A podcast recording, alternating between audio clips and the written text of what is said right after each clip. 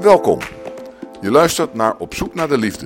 De podcast met 100% aandacht voor liefde, seks en jouw relatie. Je host is relatietherapeute, liefdesexpert en stiefcoach Annette Burgers. Vandaag aflevering 5 van de serie Geen seks, wat nu? Waarin Ellen Laan, professor Sexual Health aan de Universiteit van Amsterdam, ons een heel inspirerende masterclass seksuele vorming geeft. Deze aflevering is zeer geschikt voor docenten VO, MBO en HBO, maar ook singles en mensen in een relatie. Kortom, voor elk mens met nieuwsgierigheid naar plezier en seks. Zoals Ellen zegt, dit altijd fascinerende en belangrijke onderwerp.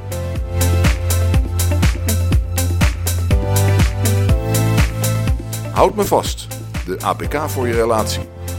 Als jouw relatie niet lekker loopt en je wilt samen met je partner twee dagen knallen, zodat jullie veel beter en gezelliger kerst, oud en nieuw en 2022 ingaan, informeer dan naar de tweedaagse training van Annette Burgers en Jordi Vos.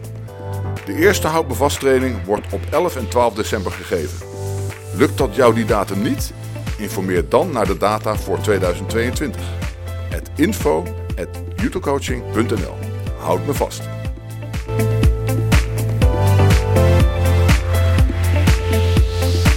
Wil jij jouw partner verrassen met een leuke avond? Schrijf dan naar info.youtubecoaching.nl en maak kans op een spel Ultiem Verlangen van Tease and Please. Vergeet niet te vermelden waarom jij jouw partner wilt verrassen. Ellen Laan, van harte welkom in Op zoek naar de liefde. Geen seks, wat nu? Uh, de podcast heet Op zoek naar de liefde. Wat is jouw definitie van liefde? Oh, uh, ik, het belangrijkste woord wat uh, dan in mijn hoofd opkomt is verbondenheid. Verbondenheid. Verbondenheid en communicatie. En heb jij, ja? Wil je ja. Nou, ja, liefde is natuurlijk ontzettend ingewikkeld begrip. Er heel veel aspecten. Maar ik verbondenheid, je echt nauw betrokken voelen uh, op iemand. Compassie hebben met iemand. Ontroerd raken van iemand warme gevoelens krijgen bij iemand. Uh, dat, dat, is, dat is denk ik voor mij liefde. Mm. Heb jij zo iemand gevonden in je leven? Absolutely. Ja, ik ga zelfs trouwen met die persoon aanstaande zondag. Oh, dan ben je mij net voor. Ik ga donderdag volgende week trouwen. Echt waar? Oh, geweldig. Ja. Ik ben al wat langer met mijn partner. Dus we zijn al 16 jaar samen. En uh, ja, onlangs besloten we dat het goed is om, uh, om, dat, um, ja, om dat te bezegelen, toch, met, uh, met iets officieels. En, in, in, en dat te vieren samen met onze vrienden en familie. Hmm. En jij, zegt, jij, jij zegt, we besloten het. Is het ook zo gegaan van, jullie zaten samen op de bank en de een zei tegen de ander, nou, zullen we eens gaan trouwen? Of, of is nou, het... Nee, het is, het is, toch wel iets anders gegaan. Uh, mijn partner heeft eigenlijk wel eens eerder zo gezegd van, goh, uh, zouden we niet eens... want eigenlijk wonen, hebben we ook nog steeds twee huizen. We zijn al 16 jaar samen. Maar we wonen 300 meter bij elkaar vandaan hoor. Dus dat is heel makkelijk latten, zal ik maar zeggen. En um, dus ik denk, dus hij heeft al wel eens gesuggereerd van, zullen we ja, en ik, eh, ik kom uit een huwelijk daarvoor. En um, ik moet heel even zwaaien naar mijn dochter, hoor, want die komt uh, even binnen. En uh, die weet niet dat dit ook uh, wordt opgenomen op video. Dus dag liefie. die gaat haar gang. Um, um, ik, had een, ik had een huwelijk daarvoor, de, de vader van mijn kinderen. En nou, toen ik eenmaal weer alleen woonde en ja, mijn eigen huis had, waar ik toch wel veel aan ontleen um, ja, dacht ik, nou, dat geef ik niet zo gauw weer op, hoeveel ik ook van mijn nieuwe partner hou. Um, en uh, dus hij had er wel eens uh, zo gesuggereerd. En ik ben ook wel beïnvloed door Simone de Beauvoir. Dat was echt vroeger mijn lievelingsauteur. En zij had goede redenen om tegen het huwelijk te zijn als uh, toch wel patriarchaal instituut. Dus ik had dat toch ook een beetje weggewoven. Nou, gelukkig heeft hij dat niet al te persoonlijk genomen. Hij kent mij een beetje. Mm. En um, uh, nou, afgelopen maart hoorde ik dat ik ongeneeslijk ziek ben. En dan, ja, dan worden zaken toch wel wat anders. Toen uh, realiseerde ik me dat het toch eigenlijk wel goed is ook om een aantal dingen ja, af te spreken met elkaar. Dus ik een testament gemaakt. En, en op een gegeven moment ja, dacht ik ook van nou, die verbondenheid die we voelen, eh, hè, dat was dus de aanleiding, maar die verbondenheid die we voelen, de enorme intimiteit die eigenlijk nog sterker is geworden sinds ik ziek ben. Ehm, nou, laten we, laten we dan gewoon eh, de knoop maar eens verstevigen. Dus toen heb ik hem ten huwelijk gevraagd. En, hoe, hoe heb je dat gedaan? Nou, eigenlijk gewoon op de bank hoor. Ik ben niet op mijn knieën gegaan. en hij zei gelukkig ja. Mm. Dus vandaar dat we zondag gaan trouwen. Ja. Kan jij je nog herinneren dat jullie elkaar ontmoetten? Absoluut, ja. Hoe ging dat? Nou, ehm, ehm, ik was alweer een jaar alleen en ik kwam iemand tegen in de buurt, herhaalde malen, en hij kende mij, leek mij beter te kennen dan ik hem. want toen we uiteindelijk aan de praat raakten, toen zei ik, hey Rob, terwijl die zo niet heet, maar hij weet, ik, ik verwarde hem even met iemand anders. Maar hij wist wel hoe ik heette. En nou, we kwamen elkaar nog een keer tegen bij de supermarkt. En toen, uh, um, toen zei ik op een gegeven moment: Goh, kom je een glaasje whisky bij me drinken? En dat vond hij achteraf eigenlijk wel enorm stoer. Dat ik zei: kom niet, niet een glaasje wijn, maar whisky. Maar dat komt, ik was op dat moment bezig met zo'n. hoe, hoe noem je dat ook weer? Zo'n koolhydraatarm dieet in de poging om toch nog wat kilo's af te vallen. En dan kun je wel goed whisky drinken. Dat past in zo'n dieet. Bovendien hou ik ook enorm van whisky. Maar goed, in ieder geval, ik, ik nodigde hem een keer uit. En toen uh, ja, kwam zo binnen een aantal maanden van het een het ander. Terwijl we elkaar omstandig bij het eerste, uh, eerste bezoek uh, hebben uitgelegd waarom we absoluut niet een nieuwe relatie wilden. Mooi is dat, hè? Ja. ja. En wat, wat trok je aan in hem? Kan je dat nog herinneren van 16 jaar geleden? Waar ben je op gevallen? ik ben eh, toch wel gevallen op zijn, uh, ja, zijn, zijn, zijn warmte en zijn generositeit. En uh, hij heeft een enorm groot hart, soms wel eens iets te groot. Ik, ik, ik denk soms wel eens dat hij uh, ja, zelf, ja, zichzelf misschien nog wel eens te weinig ruimte geeft. Dus ik probeer daar ook wel op te letten. Um, en ja, hij nou, hij kan ongelooflijk lekker zoenen. Daar begon het ook mee.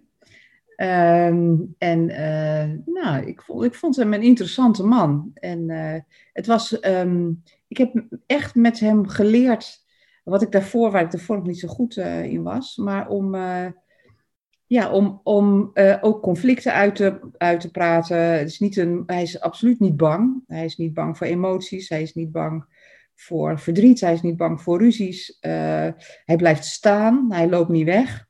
Dus in vergelijking met mijn vorige relaties, ja, kan, kan, ik denk ik wel zeggen dat ik met, met hem liefde heb geleerd. Eigenlijk met hem wel de, de liefde in al zijn facetten heb leren kennen. Oh, dat is wel een hele mooie omschrijving. Ik weet niet of je een gelofte gaat uitspreken aanstaande zondag. Dit wordt toch later uitgezonden, maar het zou een mooi onderdeel kunnen zijn van je gelofte. Ja, nee, we, die, nee, we, gaan, eh, we gaan geen beloftes aan elkaar doen. Nee, dat vinden we ook ouderwets. Uh, nee, we gaan, uh, we gaan uh, wel een, een, liefdesverklaring. Noemt ook onze trouwambtenaren. Nou, dat vonden we eigenlijk wel een heel mooi woord. Ja. we gaan nog wel iets tegen elkaar zeggen tijdens de ceremonie, ja. Ellen, jij bent hoogleraar seksuologie en GZ-psycholoog in het Academisch Medisch Centrum in Amsterdam. Ja. Je, je bent uh, misschien op dit gebied een van de bekendste, zo niet de bekendste vrouw in Nederland. Was dat voor hem niet spannend om uh, op dit gebied, uh, om inderdaad, jij zegt, het lekkere zoenen. Maar ik kan me ook voorstellen dat dat voor hem ook best wel een beetje spannend zou zijn.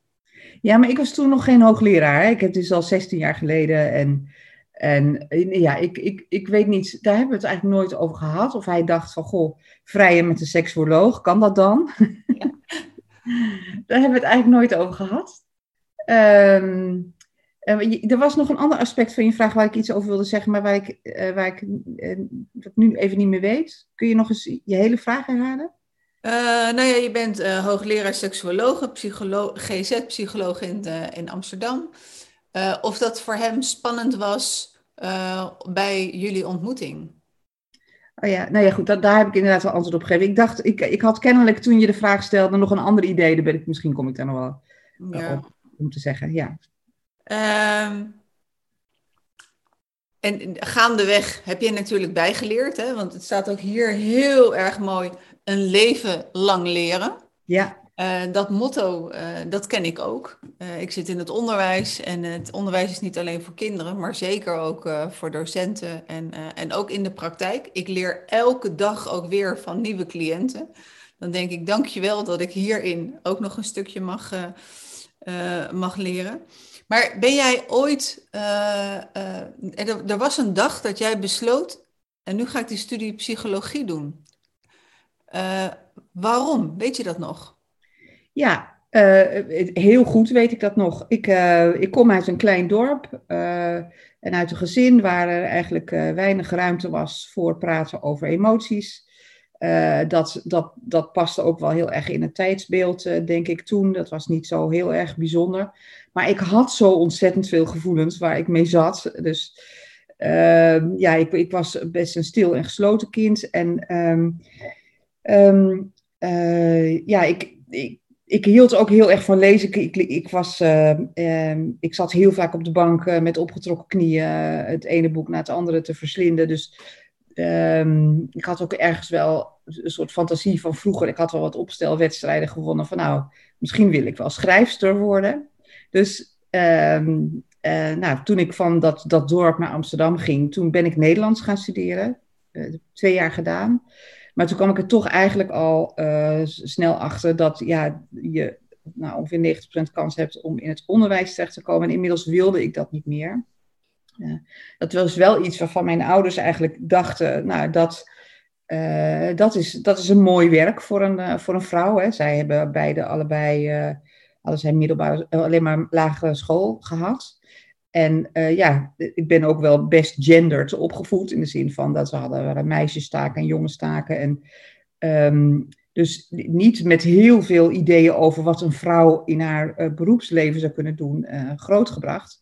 Maar in, die, in de stad leerde ik andere mensen kennen en um, um, ja, ben ik er eigenlijk ook langzamerhand achter gekomen dat uh, ik psychologie, waarvan ik eigenlijk toen ik dus 18 was en het dorp uitging, eigenlijk nog nauwelijks wist wat dat was. Want ja, psychologen die hielden zich bezig met mensen die een beetje gek waren. Dan kan je beter, kon je beter maar bij uit de buurt blijven. Nou, inmiddels had ik door allerlei ontmoetingen met mensen wel een beetje begrepen wat psychologen doen. En eigenlijk steeds vaker dacht ik van dat is eigenlijk gewoon echt een vak voor mij. Uh, en uh, nou, dus ik ben in de. Ik heb zelfs nog een, een doctoraal bijvak, geloof ik, gedaan in de zomervakantie na, na het tweede jaar. Maar eigenlijk een week daarna besloten, ik ga toch echt switchen. Dus toen heb ik daar werk van gemaakt in de zomervakantie. En een paar weken later studeerde ik psychologie. En eigenlijk vanaf het eerste begin dacht ik, dit is een vak wat ik echt heel zinvol vind.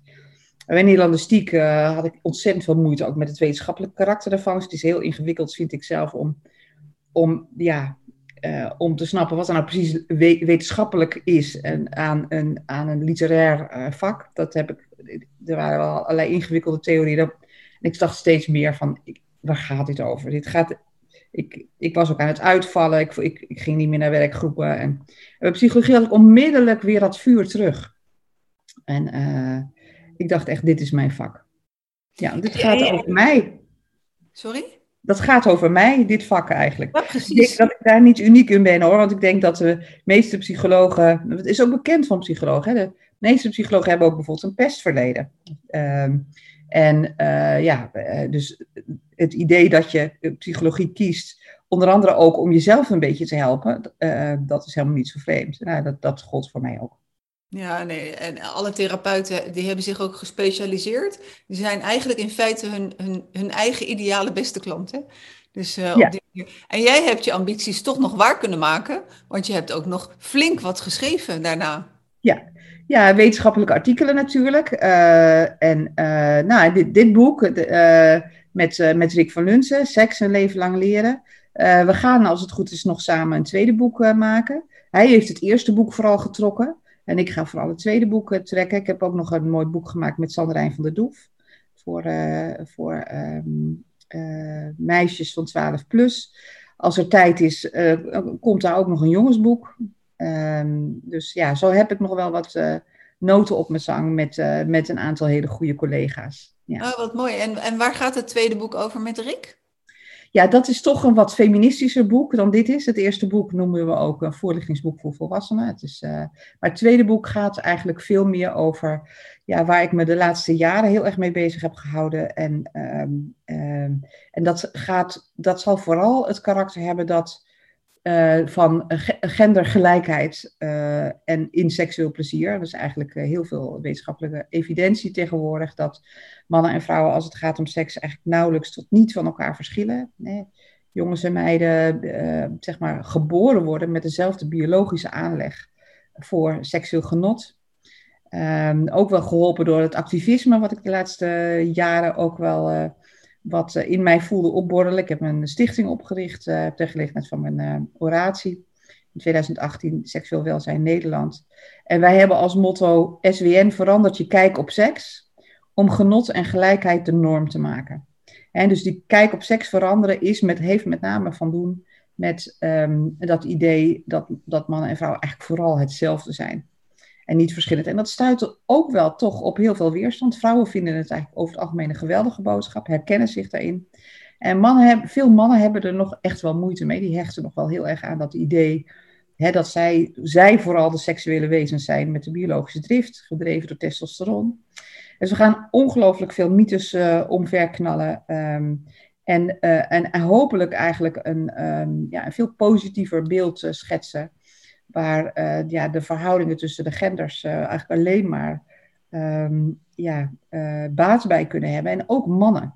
Ook mannen, denk ik, hebben er veel meer baat bij als zij het niet hoeven vast te houden aan toch wel dat soort mannelijke ideaal van ik weet hoe het werkt, ik, ik wil altijd, ik kan altijd, wat trouwens ook echt niet waar is, maar heel veel mannen hebben nog het idee dat dat, dat, dat echte mannelijkheid is.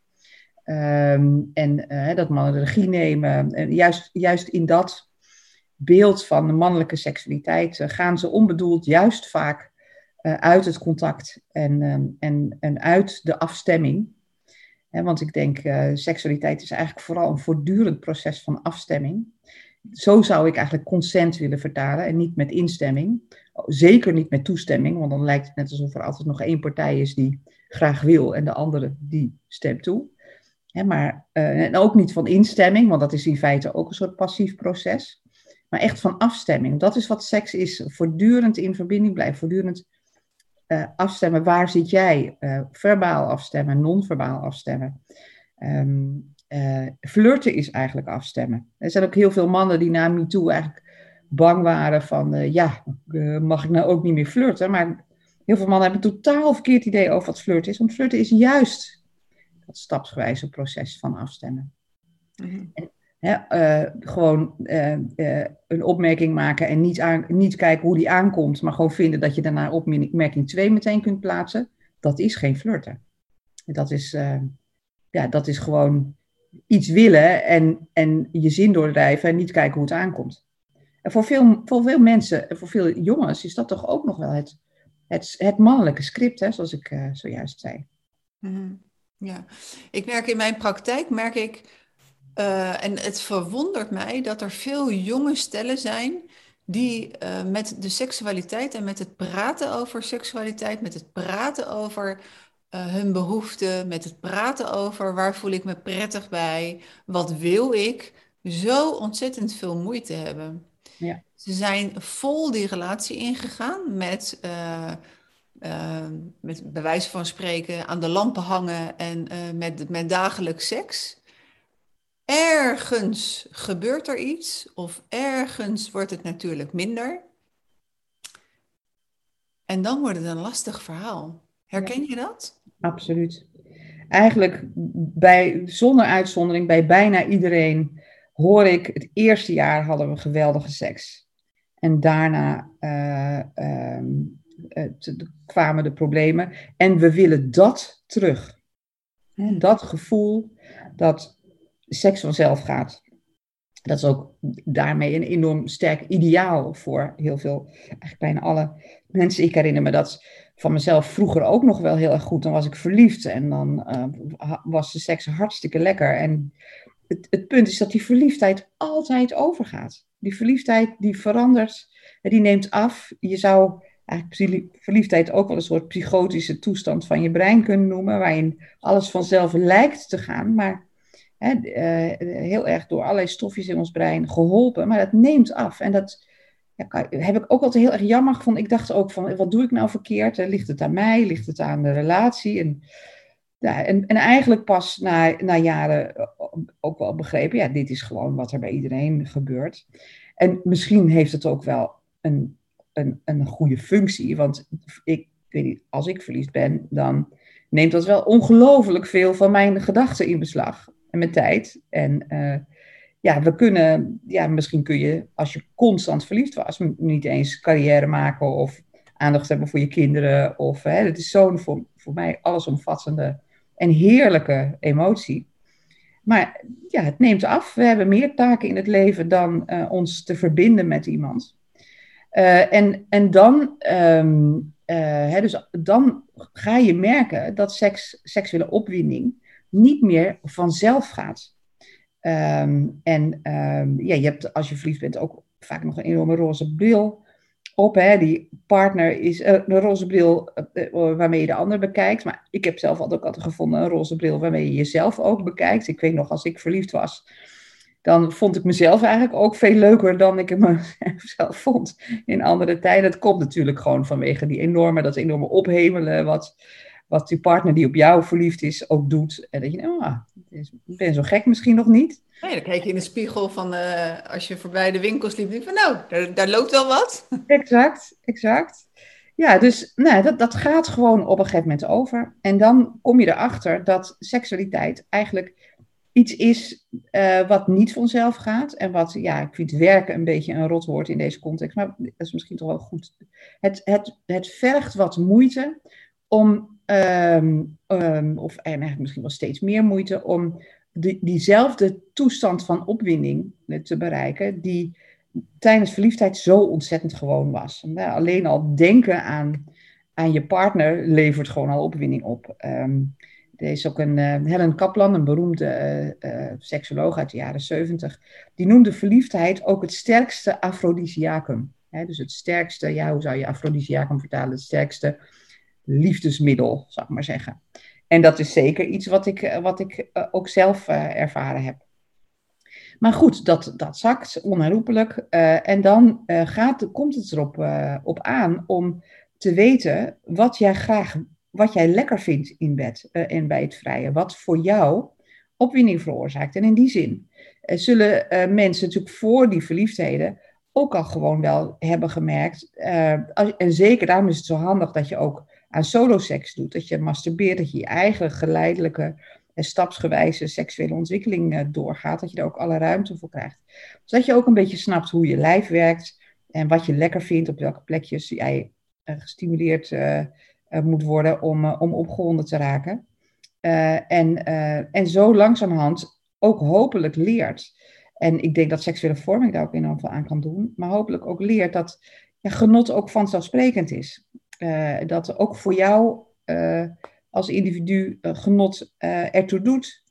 En daar, daar gaat ons boek onder andere ook over gaan, het nieuwe boek van Rick en mij, omdat daar nog wel eens aan schort de meiden krijgen toch nog steeds wel een andere boodschap uh, uh, als jongens. Hè, ook het pornoscript bijvoorbeeld. Uh, daar zijn mannelijke orgasmes de evidentie van vrouwen over het algemeen wat onduidelijk. Ik denk als je, dat vind ik zelf ook, als vrouw kijkt naar porno, dan gebeuren daar toch heel veel dingen waarvan je denkt, uh, wordt zij daar opgewonden van? En je weet natuurlijk dat het allemaal uh, actrices zijn. Maar heel veel porno is gewoon volstrekt ongeloofwaardig. Um, je zou daar de indruk van krijgen dat uh, vrouwen in alle hoeken en gaten van hun lichaam gepenetreerd willen worden en daar uh, ongelooflijk geil van worden. terwijl dat natuurlijk gewoon van de meeste vrouwen absoluut niet de, de ervaring is. Tenzij je dus zo verschrikkelijk verliefd bent. Maar jongens weten dat niet. Hè, die weten, of die weten dat althans veel minder. Dus ja, goede seksuele vorming is ontzettend belangrijk, ook voor jongens, om een reëel beeld te krijgen over uh, dat pornoscript. Maar je ziet steeds vaker wel, hoor ik ook wel in mijn spreekkamer, ik weet niet of jij dat ook uh, ziet, maar dat, dat porno wel een, een soort model is, een ideaal model van hoe het zou moeten gaan. Ja, en waar ik ook van schrik, want uh, samen ook met, dit, met deze serie heb ik een enquête uitgezet. Maar als je kijkt naar de voorlichting, uh, en dat de porno-industrie eigenlijk misschien nog wel de grootste voorlichter is ja. op het gebied van seks. En dan is het logisch dat die verkeerde beelden gaan ontstaan. Ja, absoluut. Ja. Dus ik denk, porno moeten we niet verketteren per se. Er is een markt voor. Maar, wat we vooral goed moeten doen, is uh, seksuele vorming en ook ouders aanmoedigen om al van jongs af aan met hun kinderen over seks te praten. Want wat we weten inmiddels ook uit onderzoek, onder andere van uh, Daphne van der Bongert uit de uh, Erasmus Universiteit, doet prachtig onderzoek naar liefde en verliefdheid onder jongeren en, en seksualiteit onder jongeren, juist die combinatie. en zij vindt dat jongeren die met hun ouders veel over seks praten, dat die veel seksueel autonomer worden en het eigenlijk ook veel beter doen op het liefdespad. In de zin van dat ze eigenlijk ook betere anticonceptiegebruikers zijn, dat ze minder in zeven sloten tegelijk lopen. Er is anders onderzoek waaruit blijkt dat hè, als je het gewoon vindt dat jouw plezier ertoe doet, dat meiden dan en minder risico lopen om terecht te komen in ongewenste seksuele situaties. Ik wil niet zeggen dat dat, dat, dat verkrachtingen voorkomt, maar wel als je weet, seks moet voor mij ook lekker zijn, uh, dat je dat vanzelfsprekend vindt, als je ook weet hoe dat voelt, en dat je ook weet hoe ja voelt, want meiden mogen ook vooral nee zeggen, hè, volgens de seksuele vorming, maar ja, ja zeggen, nou dat, dat wil nog wel eens, en al te hartelijk ja zeggen, nou dan kom je al gauw uh, in de buurt van slet gevonden worden, dus dat, er zit veel meer reputatieverlies aan, aan prettige seks van, van meiden en vrouwen dan, dan bij jongens. Dat vinden we over het algemeen allemaal veel beter, veel positiever. dus meiden die zullen uh, geneigd zijn uh, om, uh, ja, om wat voorzichtig te zijn in hun eigen seksuele expressie. Terwijl echt alle pijlen wijzen de kant op naar. Wees vooral seksueel autonoom. Weet wat je wilt. Vind je eigen genot vanzelfsprekend. Want het heeft zo'n enorm beschermend effect voor allerlei rottigheid.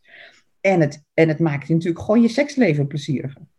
Als je vanzelfsprekend, als je al met de paplepel ook krijgt ingegoten, over seks moet je praten. Het is, het is niet, niet iedereen wil hetzelfde. Je wil ook niet elke keer hetzelfde. Dat is ook zo instructief. Hè? Dus als je, je kan ook nog gaan denken, oké, nou dan laten we één keer even elkaars uh, voorkeuren uitwisselen. En dan zijn we er, hoeven we nooit meer over seks te praten. Maar weet je, de, je wil ook nooit, je wilt toch ook niet altijd naar hetzelfde restaurant om te eten, toch?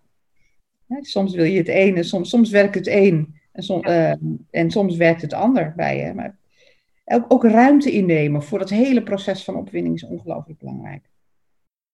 Ja, als ik ook naar jou luister, en ik zit dan ook nog die twee dagen in het onderwijs. En uh, het komt natuurlijk met meer gesprekken komt het ter sprake. En dan denk ik van, oh, oh, oh.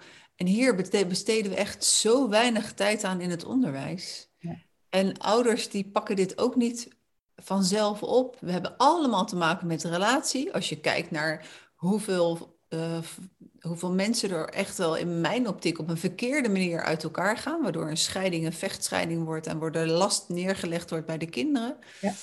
Dan heb ik toch wel, wel echt, mijn, mijn handen beginnen dan uh, te jeuken van hier hebben we echt nog met z'n allen in Nederland. Uh, we zijn dan zo West-Europees en een, en een eerste wereldland, maar hier hebben we echt nog wel een hoop te ja. doen.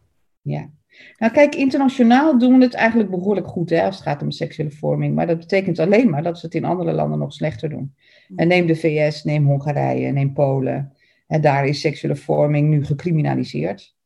Um, maar heel veel staten, maar ook veel ouders en opvoeders, die hebben echt het idee dat als je seksuele vorming geeft, en met name gericht op seksueel plezier, ja, dan gaan kinderen gewoon ongebreideld over hun grenzen heen. Uh, dan, uh, uh, ja, dan wordt het chaos en anarchie. en zeker als je vrouwen loslaat, want ergens is er altijd nog wel die, dat idee, hè, dat is zoals in de middeleeuwen, waarin vrouwen toch werden gezien als ja, furnaces of carnality, is een mooi citaat van William Shorter. Ovens van vleeselijkheid. Eh, die de hele tijd er maar op uit zijn om mannen eh, naar de verdoemenis te helpen en af te leiden van hun belangrijke maatschappelijke taken. dat is natuurlijk ook enorm in dat tijdperk van het patriarchaat, waarin vrouwen als, superieur, werden gezien. Dat is eigenlijk, we hebben nog steeds wel de, zit in de nadagen van die visie. Um, dus um, ja, uh, dus aan de ene kant is er eigenlijk pas de laatste eeuwen werden vrouwen eigenlijk gezien als niet-seksuele wezens, maar daarvoor veel langer als juist de gevaarlijke seksuele wezens. Want weet je, het is niet goed of het deugt niet. Hè? We zijn ofwel hebben we te veel lust, of hebben we te weinig. Hoe dan ook, doen we het nooit goed in de ogen van heel veel mannen over de eeuwen heen. Um, en um, dus daar, daar, we nemen nogal wat ballast mee. Um, en ja, eh, ouders zijn dus ook eigenlijk heel erg bang dat als je vroeg met je kinderen over seks praat, dan gaan ze, gaan ze het juist vroeg doen. Er is heel veel evidentie, en dat weten we eigenlijk al 30 jaar, dat juist goede seksuele vorming zorgt ervoor dat kinderen uh, en jongeren juist veel later aan seks beginnen. Als je dat belangrijk vindt. Hè. Dan lijkt het net alsof ik ook vind dat je vooral later aan seks moet beginnen. Maar voor mij is vooral belangrijk dat uh, de wetenschap, dat uh, jongeren die uh, vooral veel meer onder hun eigen voorwaarden seks hebben. en ook um, ja, veel meer onder hun eigen voorwaarden en, op, en wanneer ze er zelf aan toe zijn, gaan vrijen met een, met een ander. en dus eigenlijk ook veel minder gevoelig zijn voor peer pressure. Om, om, om toch maar, ik, ik heb zoveel vrouwen in mijn spreekkamer gehad die zeiden, mijn eerste keer, ja, ik wilde eigenlijk niet. Maar ja, iedereen zei al seks te hebben gehad. En dat is meestal dus ook niet waar trouwens.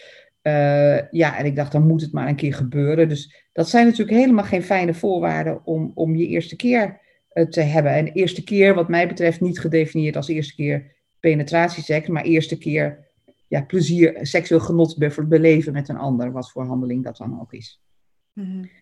Ja, dus dat is, dat is echt heel, heel jammer. Dus het omgekeerde van waar de meeste ouders en de meeste staten uh, bang voor zijn, is eigenlijk waar. Je ziet dat trouwens ook als je bijvoorbeeld Nederland vergelijkt met, uh, nou, neem, laten we zeggen, de, Amerika uh, de Verenigde Staten.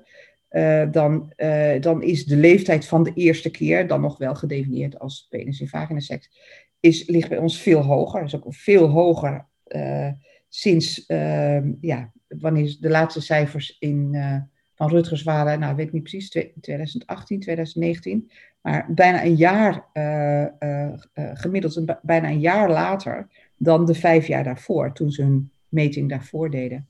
Dus de leeftijd van de eerste keer is veel hoger. De tienerzwangerschappen in Nederland zijn nou, jaren het laagst ter wereld geweest. Ik weet niet hoe dat nu is. Ik denk dat we waren even weer een klein beetje gestegen, maar zijn nog steeds onder de allerlaagste ter wereld. Uh, er wordt heel veel aan goede uh, anticonceptie gedaan. Hè, de term double Dutch is niet voor niks de term double Dutch, maar dat is het gebruik van een pil, anticonceptiepil bijvoorbeeld, of een andere hormonale anticonceptie met condoom. Um, ja, uh, dat, dus er is heel veel bewijs dat dat echt zo is. Mhm. Ja, er zijn ook veel meer uh, schoolmiddelen op de markt om, uh, te, om de lessen te ondersteunen. Ik weet nog dat toen ik uh, nou 100, bijna 100 jaar geleden juf was van groep 8, dat ik alles zelf bij elkaar moest zoeken, mijn eigen boekje ging schrijven. maar er is nu echt veel meer. Er zijn spellen voor jongens, voor meisjes. Ja. Ehm, dus... Daar zeg je trouwens wel iets belangrijks. Ik ben echt een groot voorstander van seksuele vorming geven aan jongens en meiden samen.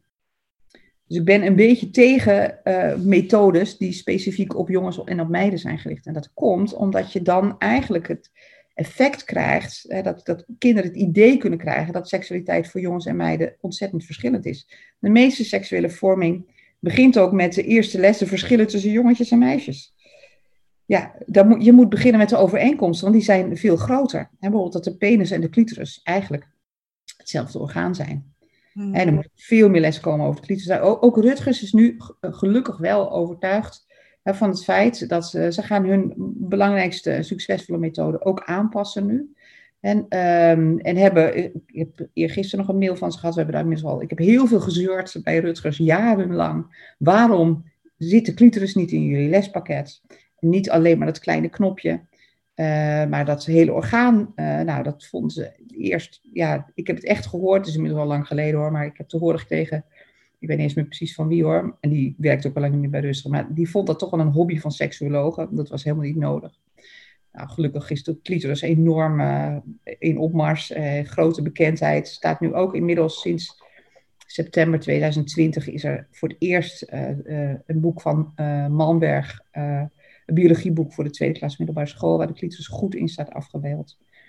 Ehm, dus, uh, dus ik vind dat de seksuele vorming toch nog meer op gelijkheid uh, moet worden geënt. Dus niet meer die eerste lessen over de verschillen, maar juist die eerste lessen over de overeenkomst. Want die zijn echt ongelooflijk talrijk en dus eigenlijk ook in de genitale anatomie. Het enige verschil zit hem in de voortplantingsfunctie. Maar, en dat is eigenlijk het tweede advies wat ik heb, wat eigenlijk anders zou moeten in de seksuele vorming, is dat seksualiteit en voortplanting strikt gescheiden zouden moeten worden. Nu loopt dat enorm door elkaar. Dat is ook bijvoorbeeld het motief van heel veel biologieleraren om het niet over de clitoris te hebben, want die heeft geen rol in de voortplanting. Het gaat eigenlijk alleen maar om penis in vagina.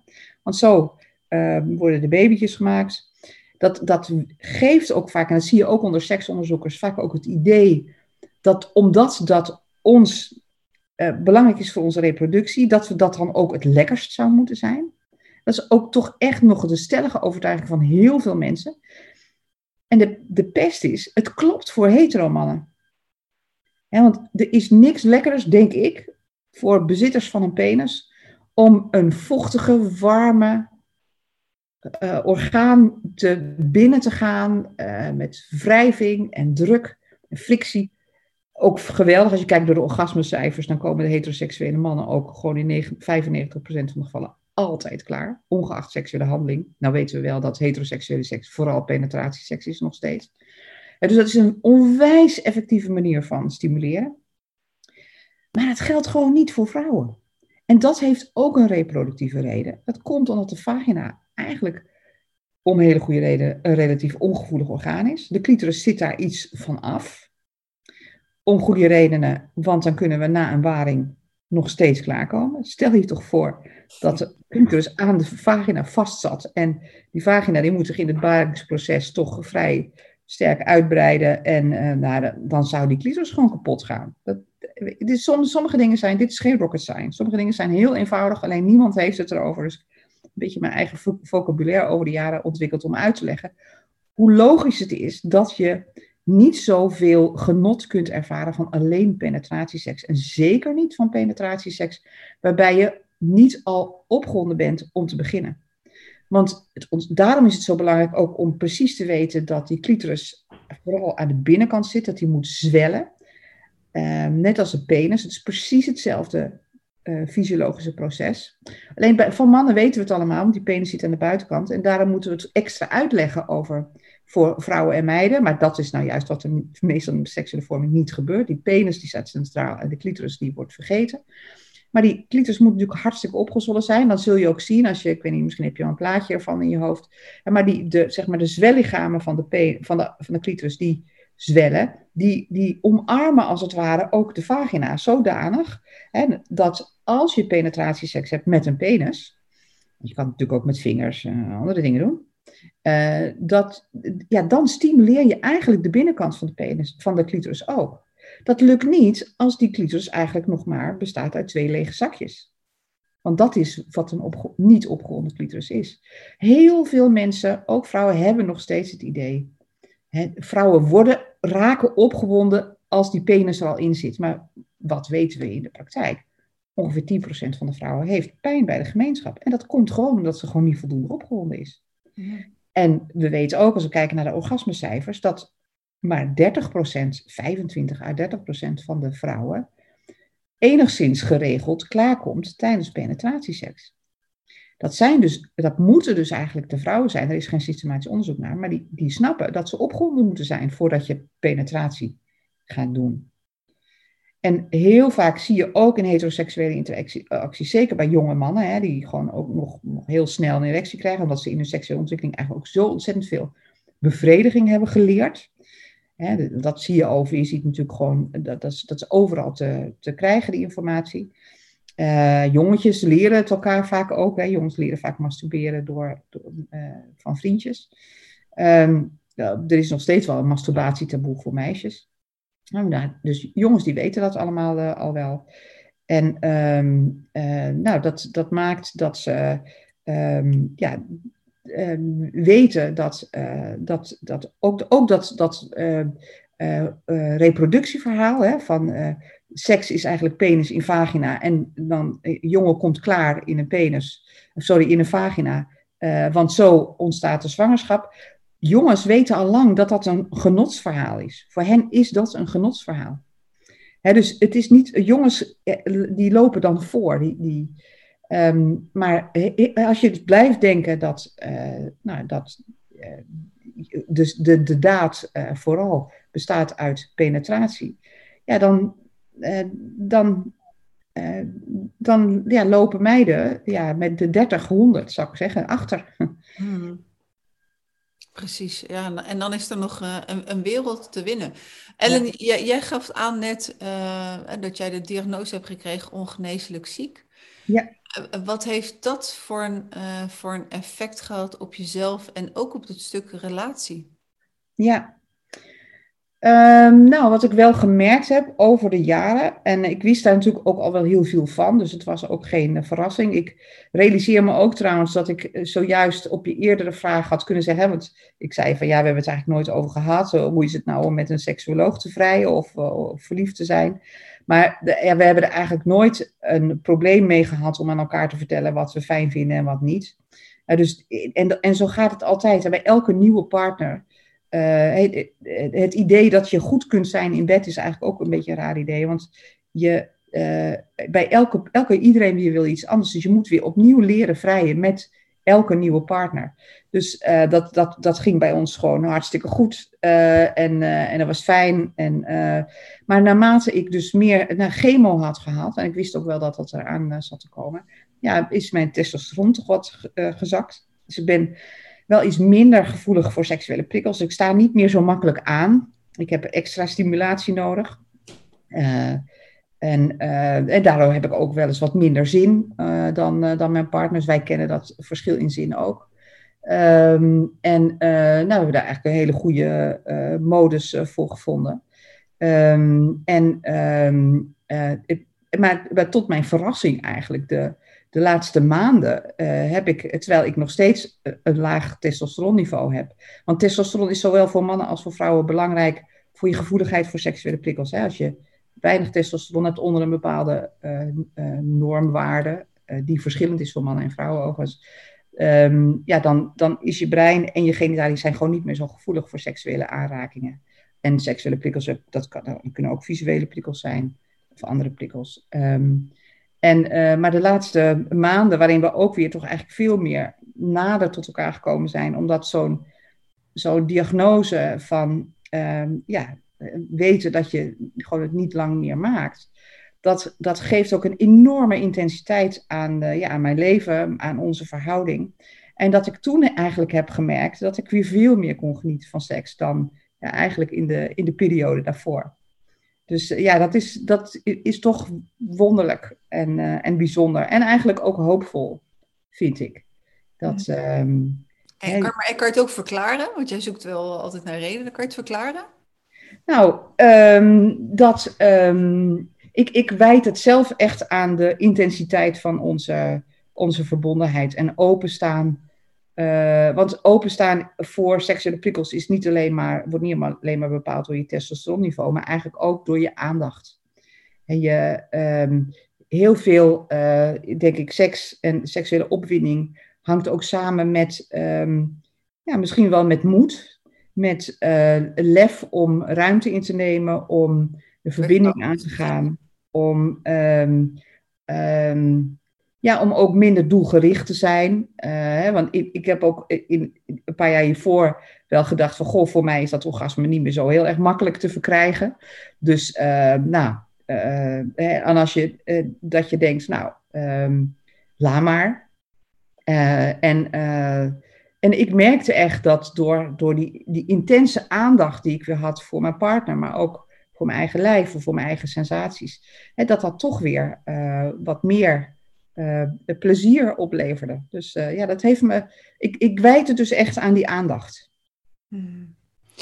En uh, we, we, hebben het via de mail er wel even over gehad, hè, dat uh, het, het, praten over seks, seksualiteit überhaupt al een, een stuk een taboe is. Ja. In combinatie met kanker en wat er dan in een relatie gebeurt en dat stuk seksualiteit, dat is nog een nog groter taboe. Want mensen uh, die krijgen de diagnose te horen. Dan is het, uh, ja, de wereld vergaat. Hè? Je, moet, je, je, je, probeert je houvast te, te vinden. Er gaat in de relatie ontzettend veel aandacht naar degene met de diagnose. En dat maakt het natuurlijk ook weer heel erg lastig voor de partner. Wat heb je daarvan aan den lijve ondervonden?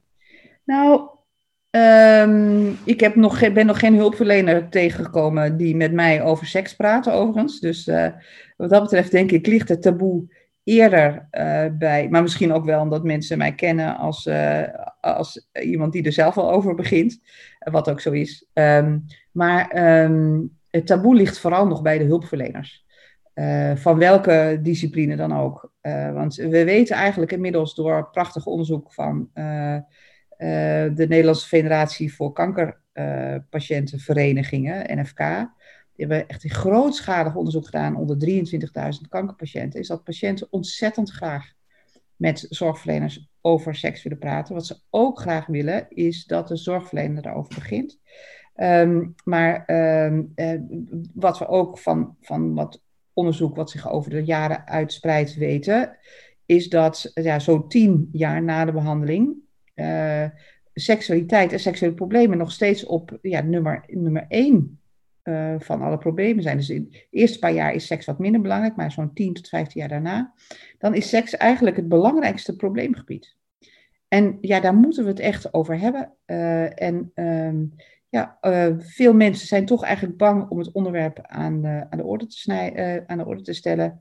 Ja, eigenlijk juist ook vanuit dat idee dat kankerpatiënten dat niet willen. Dus daar moeten we zorgverleners heel goed over voorlichten dat het echt wel zo is.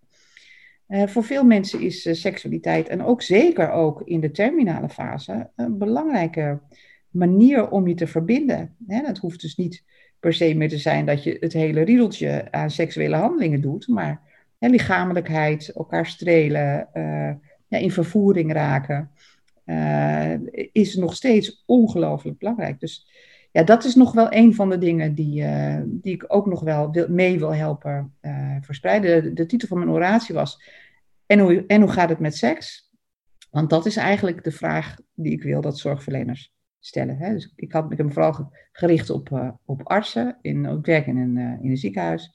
Um, maar het geldt eigenlijk evenzeer voor alle klinische GZ en andere psychologen en orthopedagogen die uh, behandelrelaties aangaan en met andere mensen. Die moeten ook over seks praten. Mhm. Maar Ellen, ik herken het wel. Als ik, um, en dat is niet vaak hoor, maar als mijn vriend en ik, mijn aanstaande echtgenoot en ik, als er ergens een discussie over is, uh, dan herken ik wel dat als er een bepaalde vraag niet gesteld wordt, uh, dat ik ook niet zo heel erg makkelijk zelf over de brug kom. En als, ik, als hij een goede vraag stelt, dan denk ik van, oh ja, nou, dat maakt het nu wat makkelijker om erover te praten. Dus dat stukje herken ik heel goed. Uh, jij gaf aan dat het uh, ongeveer 15 jaar, na, na, na het stellen van een diagnose, dat het dan nog wat lastiger. Heb, heb je enig idee waarom precies na die 15 jaar?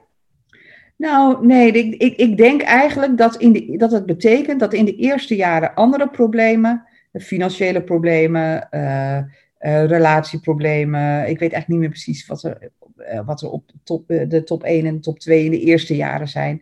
Hè, het, um, um, um, maar wennen aan het idee of, of de angst om dood te gaan. nou, dat hele kankerproces. Ik denk gewoon dat dat in de eerste jaren vooral uh, um, belangrijk is. Maar uh, naarmate je weet, oké, dat ga ik wel overleven. Uh, um, ja, dat dan seksualiteit gewoon steeds meer op de voorgrond als probleemgebied komt te staan. Dus dat, dat denk ik eigenlijk vooral. Um, en ja, de, de problemen zijn, zijn talrijk. als het bijvoorbeeld gaat om, om borstkanker, dan gaan artsen er vaak ook nog van uit dat het grootste probleem van vrouwen is dat ze, um, uh, en daar is ook veel zorg voor, hè, dat ze bijvoorbeeld na een borstamputatie uh, er eigenlijk verminkt uitzien, is dat dat vrouwen enorm remt. En dat kan natuurlijk ook wel. Alleen ik vind dat wel jammer dat daar vooral zoveel zorg naar uitgaat. Omdat dat toch eigenlijk. Kijk, als je een prothese hebt, dan kan er misschien aan de buitenkant uh, kan het eruit zien alsof er niks is gebeurd. Maar daar word je niet meer opgewonden van. Het is misschien hoogstens als je je zorgen maakt om je uiterlijk en dat wordt dat is voor vrouwen is, hè, wij worden als meisjes al vooral aangesproken op hoe leuk we eruit zien en zo. Ehm, en, en veel meer om andere kwaliteiten die een mens eh, kan hebben. Dus voor vrouwen, denk ik, is uiterlijk disproportioneel belangrijk. Ik zou willen dat uiterlijk eens wat minder belangrijk is als het gaat om seksualiteit. Maar dat is toch ook vaak de verwarring die ook jonge meiden hebben. Dus je moet eigenlijk wel sexy zijn, maar je mag niet te seksueel zijn. Uh, dus naarmate, ja, de borsten zijn voor mannen uh, natuurlijk heel een, enorm belangrijk erotisch uh, symbool.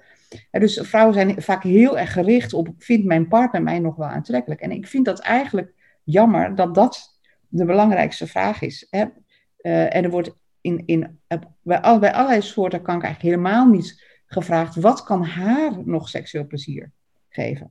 Nou, je kan hoogstens misschien je wat minder zorgen maken als je aan de buitenkant uh, er tweeborstig uitziet, uh, zal ik maar zeggen. Um, um, maar goed, dat maakt de seks nog niet lekkerder. Uh, zo zie je ook bijvoorbeeld bij cervixcarcinoom bijvoorbeeld, of andere vormen, vulva- of vaginakanker, waar bijvoorbeeld vrouwen brachytherapie moeten ondergaan. Dat is een inwendige vorm van bestraling in de, bestraling in de vagina, die eigenlijk de vaginawand ja, toch behoorlijk stuk maakt. Dat is vaak onherstelbaar. Is dat veel artsen dan toch eigenlijk nog vooral de vraag stellen: heeft u nog coitus? Nou, en als daar dan ja op geantwoord uh, wordt, of had u coitus voor de behandeling, uh, dan, uh, ja, dan, dan krijgen vrouwen of een likje oestrogeen mee, of advies om een glijmiddel te gebruiken. En dat zendt ook toch vooral de boodschap hè, dat seksualiteit van vrouwen eigenlijk bestaat uit haar vermogen om gepenetreerd te worden.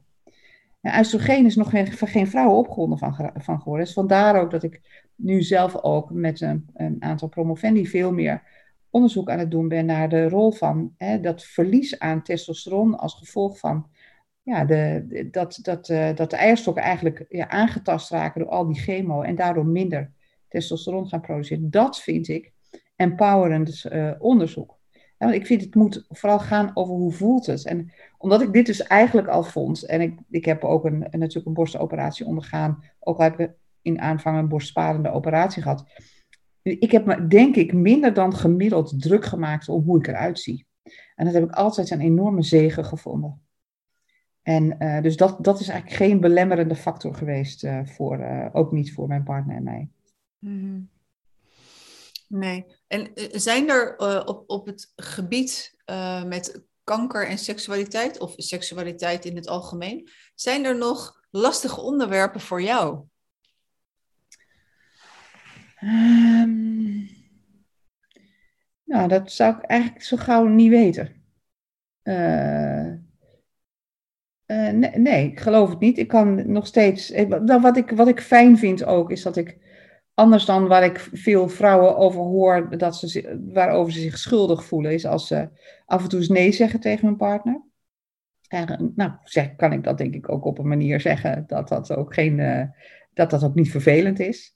Uh, hè, het is wel denk ik heel belangrijk om uh, gewoon te erkennen en de wederzijdse erkenning van elkaars behoeften, dat is ontzettend belangrijk. Nou, ik geloof dat ik verder vooral ja, uh, plezier heb in, in hoe wij, uh, wij met elkaar vrijen. Mm. Ja. Ik was, uh, begin van deze week was ik in Terneuzen. Zat ik bij Audrey van Ham van Christine Leduc. En toen hadden we het over, over een winkel binnengaan, zoals een winkel van Christine Leduc. En toen vertelde ik haar dat ik dat best nog wel lastig vond. En ook niet dat ik er vaak heen ging, maar ik weet nog wel heel goed dat ik daar de eerste keer heen ging. Ik ging liever ergens in Parijs naar een sekswinkel binnen, zodat ik ja. zeker wist dat ik niet herkend zou worden. Ja. Dat ik in mijn eigen hometown Den Haag naar binnen liep. En ik ben er echt wel eens binnen geweest, maar ik, ben, ik, ik ga nog, als ik er naar binnen ga, ik kijk wel om me heen of ik gespot ja. word. Ja, ja. Nou, ik vind dat eigenlijk wel een goed voorbeeld, want uh, ik, ik uh, koop dingen online. Uh, want wat ik, dat is, wat eigenlijk stel je mij nu ook behoorlijk privé vragen. Hè? En omdat ik, ja, nou bijvoorbeeld als ik bij Mail en Female binnenloop op, de, op het weteringscircuit. En zij weten wie ik ben. Dus dan, om, dat vind ik ook wel heel intiem. Ik denk van, mensen mogen veel van me weten. En ik wil een lans breken voor lekkere seks. Dat is, vind ik belangrijk. Hè, maar daar zitten ook wel grenzen aan. Ik, ik, ik wil ook natuurlijk niet dat iedereen alles van me weet. Dat vind ik ook weer niet nodig. Dus in die zin herken ik het eigenlijk wel. Dat is misschien nog wel een grens van mij, ja. Ja. Ja, kijk, mijn school staat daar in de buurt. Ja. Tegenwoordig, dus dat maakt het dan ook nog wel als, als ze de juf naar binnen zien gaan. Ja, uh, een geweldig rolmodel zou je dan eigenlijk zijn, hè? vooral voor je vrouwelijke, voor je vrouwelijke leerlingen. De volgende keer ga ik gewoon uh, daarin stappen. Maar al of jij het nou per post krijgt of je gaat de winkel in, je bent natuurlijk altijd wel Ellen Laan. Ja, precies. Dat is wat ik bedoel. Ja, ja, Dus dat, uh, uh, maar goed, ik heb ook zeker meegekregen dat, uh, dat het ja, goed opgeleide specialisten zijn bij Christine Leduc. Ja, en, en dat neem ik aan op dat vlak bij, bij alle winkels. Ja. Um, welke vraag heb ik jou nog niet gesteld, Ellen? Waarvan je zegt van nou, geen seks, wat nu? Onderwerp seksualiteit, kanker en seksualiteit. Nou, ga, ga het gesprek aan. Wat ik zo ontzettend vaak hoor, is dat het onderwerp wordt vermeden uit angst de ander pijn te doen. Um, het, je kunt echt door het gesprek aan te gaan en weer open te staan uh, voor aanraking. Als je gewoon het idee loslaat dat je, dat je seks op een bepaalde manier moet doen, uh, dan, dan is er zo ontzettend veel mogelijk. En dan kun je bij jezelf en je partner ook als het vlammetje enigszins uh, klein was geworden, dan kun je dat echt wel weer uh, ja, rekindelen, zoals uh, ze dat in het Engels zeggen. Ja, dus, dus ik denk echt dat, um, um, dat um, praten over wat je wil en wat je niet wil, dat dat ontzettend belangrijk is. Aan de andere kant denk ik trouwens ook, en dat moet ik ook wel gezegd hebben, dat we van seks een veel te groot onderwerp maken. Dus we hebben eigenlijk seks heeft inmiddels zoveel betekenis gekregen. van je, individuele gezondheid, zowel je mentale als je lichamelijke gezondheid, je relatiekwaliteit, hoe mannelijk of vrouwelijk je bent, hoe succesvol je bent. Hè, er is dat idee dat ja, als je seksuele problemen hebt, dan je toch wel aan alle kanten een loser. Daar zijn ook mannen heel erg bang voor. Hè. Die zijn ontzettend bang dat als ze niet, heb ik ook gemerkt in de spreekkamer, als ze niet met enige regelmaat, nou, zeg wekelijks of maandelijks uh, seks hebben, dat dat echt een slecht teken is. Dat is slecht voor hun mannelijkheid, dan doen ze iets ontzettend verkeerd. Mannen zijn, als het gaat om seksualiteit, heel vaak, veel mannen zijn bang om het echt fout te doen. Uh, en niet mannelijk, voldoende mannelijk te zijn. Dus ik denk dat we ook nog wel heel erg zouden moeten sleutelen aan die definitie van mannelijkheid. Ik zou mannen, jongens en mannen gunnen dat die wat minder streng was, wat minder strikt. En dat mannen ook wat meer onzeker mogen zijn, dat ze zichzelf dat toestaan. Um, en uh, dus, dus dat, is, dat is ook, ik vind eigenlijk dat seks eigenlijk een enorm overschatte onderwerp is. Mhm. En als je dat nou kijkt binnen de, binnen de relatie, hè, dus met alle onderdelen van de relatie, je hebt de intimiteit, je hebt een stukje samen, een stukje organisatie wat je oppakt, een stukje opvoeding als er kinderen zijn. Ja. Um, ja, hoe is dat dan voor jou eh, de, qua, qua indeling? Als het allemaal, uh, als er de relatie is 100%? Hoe belangrijk is dan dat stukje seksualiteit, intimiteit, organisatie? Ja, het is wel belangrijk, maar het is niet, ik hang niet zo aan frequentie. mijn partner ook niet. Uh, dus het hangt gewoon heel erg af van je levensfase. Uh, hè, ik, zoals ik al zei, is nu weer wat meer aandacht voor, maar in de periode waarin ik uh, nou, goed deels als alleenstaande ouder met een fulltime baan twee kinderen opvoeden en carrière aan het maken was. Ja, had ik soms zoveel stress dat ik echt gewoon niet aan moest denken om ook nog seks te hebben. Wat ontzettend belangrijk is dat je het niet tegen je zin moet doen. je moet aangeven uh, waar je zit in je hoofd. waarom het je niet lukt om je te focussen op in het hier en nu. Uh, volgens mij is dat ontzettend herkenbaar. Er is ontzettend veel stress in onze, in onze samenleving. En stress is een sekskiller. Ja.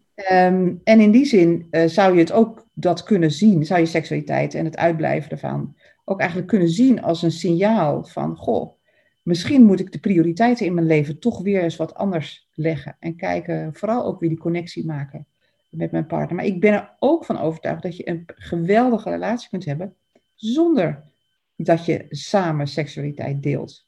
En dus in die zin vind ik seks helemaal geen must.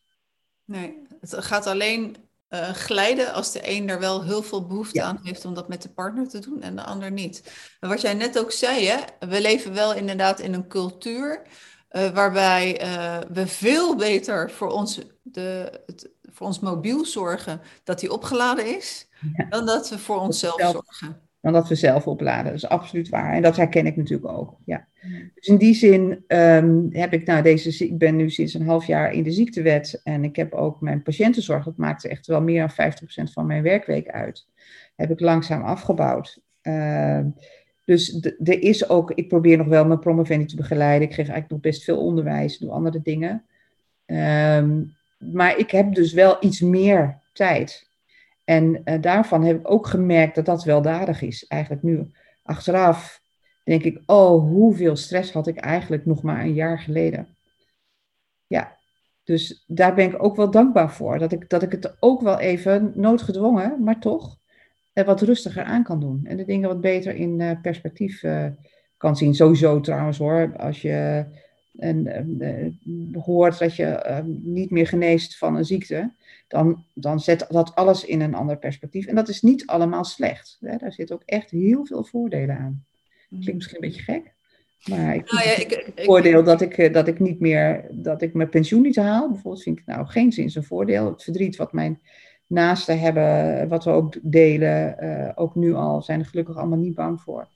En dat is natuurlijk niet eh, een voordeel te noemen, maar er, het is ook niet allemaal kommer en kwel. Mm. Ik heb, ik heb wat filmpjes gezien, ook onder andere wat, je, wat jouw broer vertelde. Jij gaat er natuurlijk ook wel op je eigen wijze mee om. Ja. Ja. Waardoor je denk ik ook een steun bent voor de anderen. En eh, dat dat in, in een ander perspectief Ja. nader tot elkaar komt. Ja. ja, dat hoop ik. Ik hoor van mensen dat, dat ik, de manier waarop ik het doe, dat dat voor mensen eh, ja, positief is. Dus dat is eigenlijk ook eigenlijk, ja, dat is mooi. Mhm. Dat is mooi om te horen. Ja, ik, ik, ik, ik denk dat het gewoon bij me past. Ik zou niet weten hoe ik het op een andere manier zou kunnen doen. Ik denk dat dit echt de beste manier is voor mij en daarom doe ik het zo. Mhm. Ja, Zondag ga je trouwen ja met speciale kleding. tuurlijk. Mhm. Ik ga er verder niks over zeggen. Ik, ga ook verder helemaal niks vragen. Mijn, mijn, mijn jurk is nog niet klaar. Ik moet morgen gaan passen. Dus Alright. Dat Nee, bij mij hangt het allemaal al klaar. Ja, het enige wat ik zeg is dat ik niet in een jurk ga trouwen. Oké. Ja. Nou, ik wil, je, ik wil je een ontzettend mooie dag toewensen. Dankjewel. Ik jou ook. Dank je. Ik wil je heel erg bedanken voor dit gesprek. Heel graag gedaan. Heel fijn dat ik eh, hierover, over dit bijzondere onderwerp met, eh, met jou heb kunnen praten. En eh dank je wel hiervoor. Heel graag gedaan. En dank je voor deze mogelijkheid om eh, te praten over dit toch altijd fascinerende en belangrijke onderwerp. Dank je wel. Dankjewel. Succes met je podcast. Dank je. Hier eindig ik hem mee. Ehm, maar ik heb nog wel een vraag aan jou, als dat mag. Ja. Want we hebben het gehad over, ehm, over jouw netwerk om, en mijn volgende serie, Kanker Wat Nu. Eh, als je een keer eh, wat adressen of namen op de mail wil zetten, har- hartstikke graag. Ja. Want eh, deze serie loopt voorlopig nog wel een tijdje. Maar ik ben ook altijd wel bezig, wat komt daarna? Ja. Dus dan, dan ga ik daar alvast me enigszins in verdiepen. En dan als dat aan de beurt komt, dan ga ik aan Dus zoek je dan vooral specialisten op het gebied van kanker of op het gebied van seks en kanker? Ja, seks en kanker. En, eh, en als, eh, ja, als er een mogelijkheid is, ook met, graag met ervaringsdeskundigen. Van juist als die het verhaal vertellen, net wat jij zegt, van eh, ja, eigenlijk komt de vraag niet.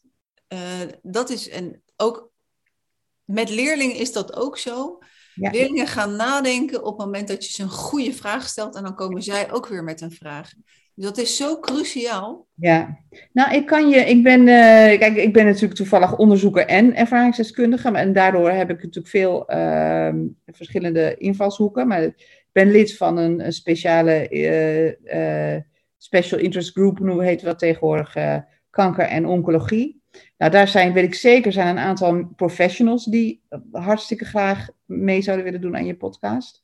Eh, maar eh, wat altijd ingewikkeld is, zeker voor leden van de Nederlandse Vereniging voor NVVS, is om hun eigen patiënten te vragen om ook mee te doen. Dus dat mogen wij ook daarom niet vanwege onze beroepscode. Daar staat iedereen van ons ook hartstikke achter. Want het, je, je kan soms ook door juist je goede behandelrelatie met de patiënt uh, ja, iemand ja. onbedoeld overhalen en dat iemand toch later spijt krijgt. Dus dat, dat doen we niet. Maar je kunt gewoon gerust contact opnemen met uh, Borstkankervereniging Nederland. En ik weet zeker dat er voldoende mensen zijn die uh, graag hun verhaal willen komen vertellen. Dus dat zou ik je aanraden om de ervaringsdeskundige uh, in die hoek te zoeken. Hmm.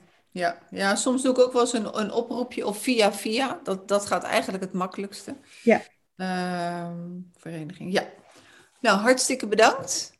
En nogmaals, uh, heel veel plezier zondag. Ja, en jij, wat was jouw dag volgende week donderdag? Ja, volgende week donderdag zetten we alleen de handtekening uh, in, op het stadhuis. En dan zaterdag doen we, een, uh, doen we een feestje. En dan volgende keer ook nog, want de dochter van mijn aanstaande, die is hoogzwanger. En die heeft bedwongen van, ja, maar ik wil echt dansen. Dus dat avondfeestje moeten jullie echt op een ander moment doen. Dus dan trouwen we uiteindelijk in drievoud. Nou, dat is hartstikke mooi. Precies. Heel veel plezier en heel veel geluk. Dankjewel Ellen, sterkte en heel mooie momenten nog. Dankjewel. Dankjewel. Dag. Dag.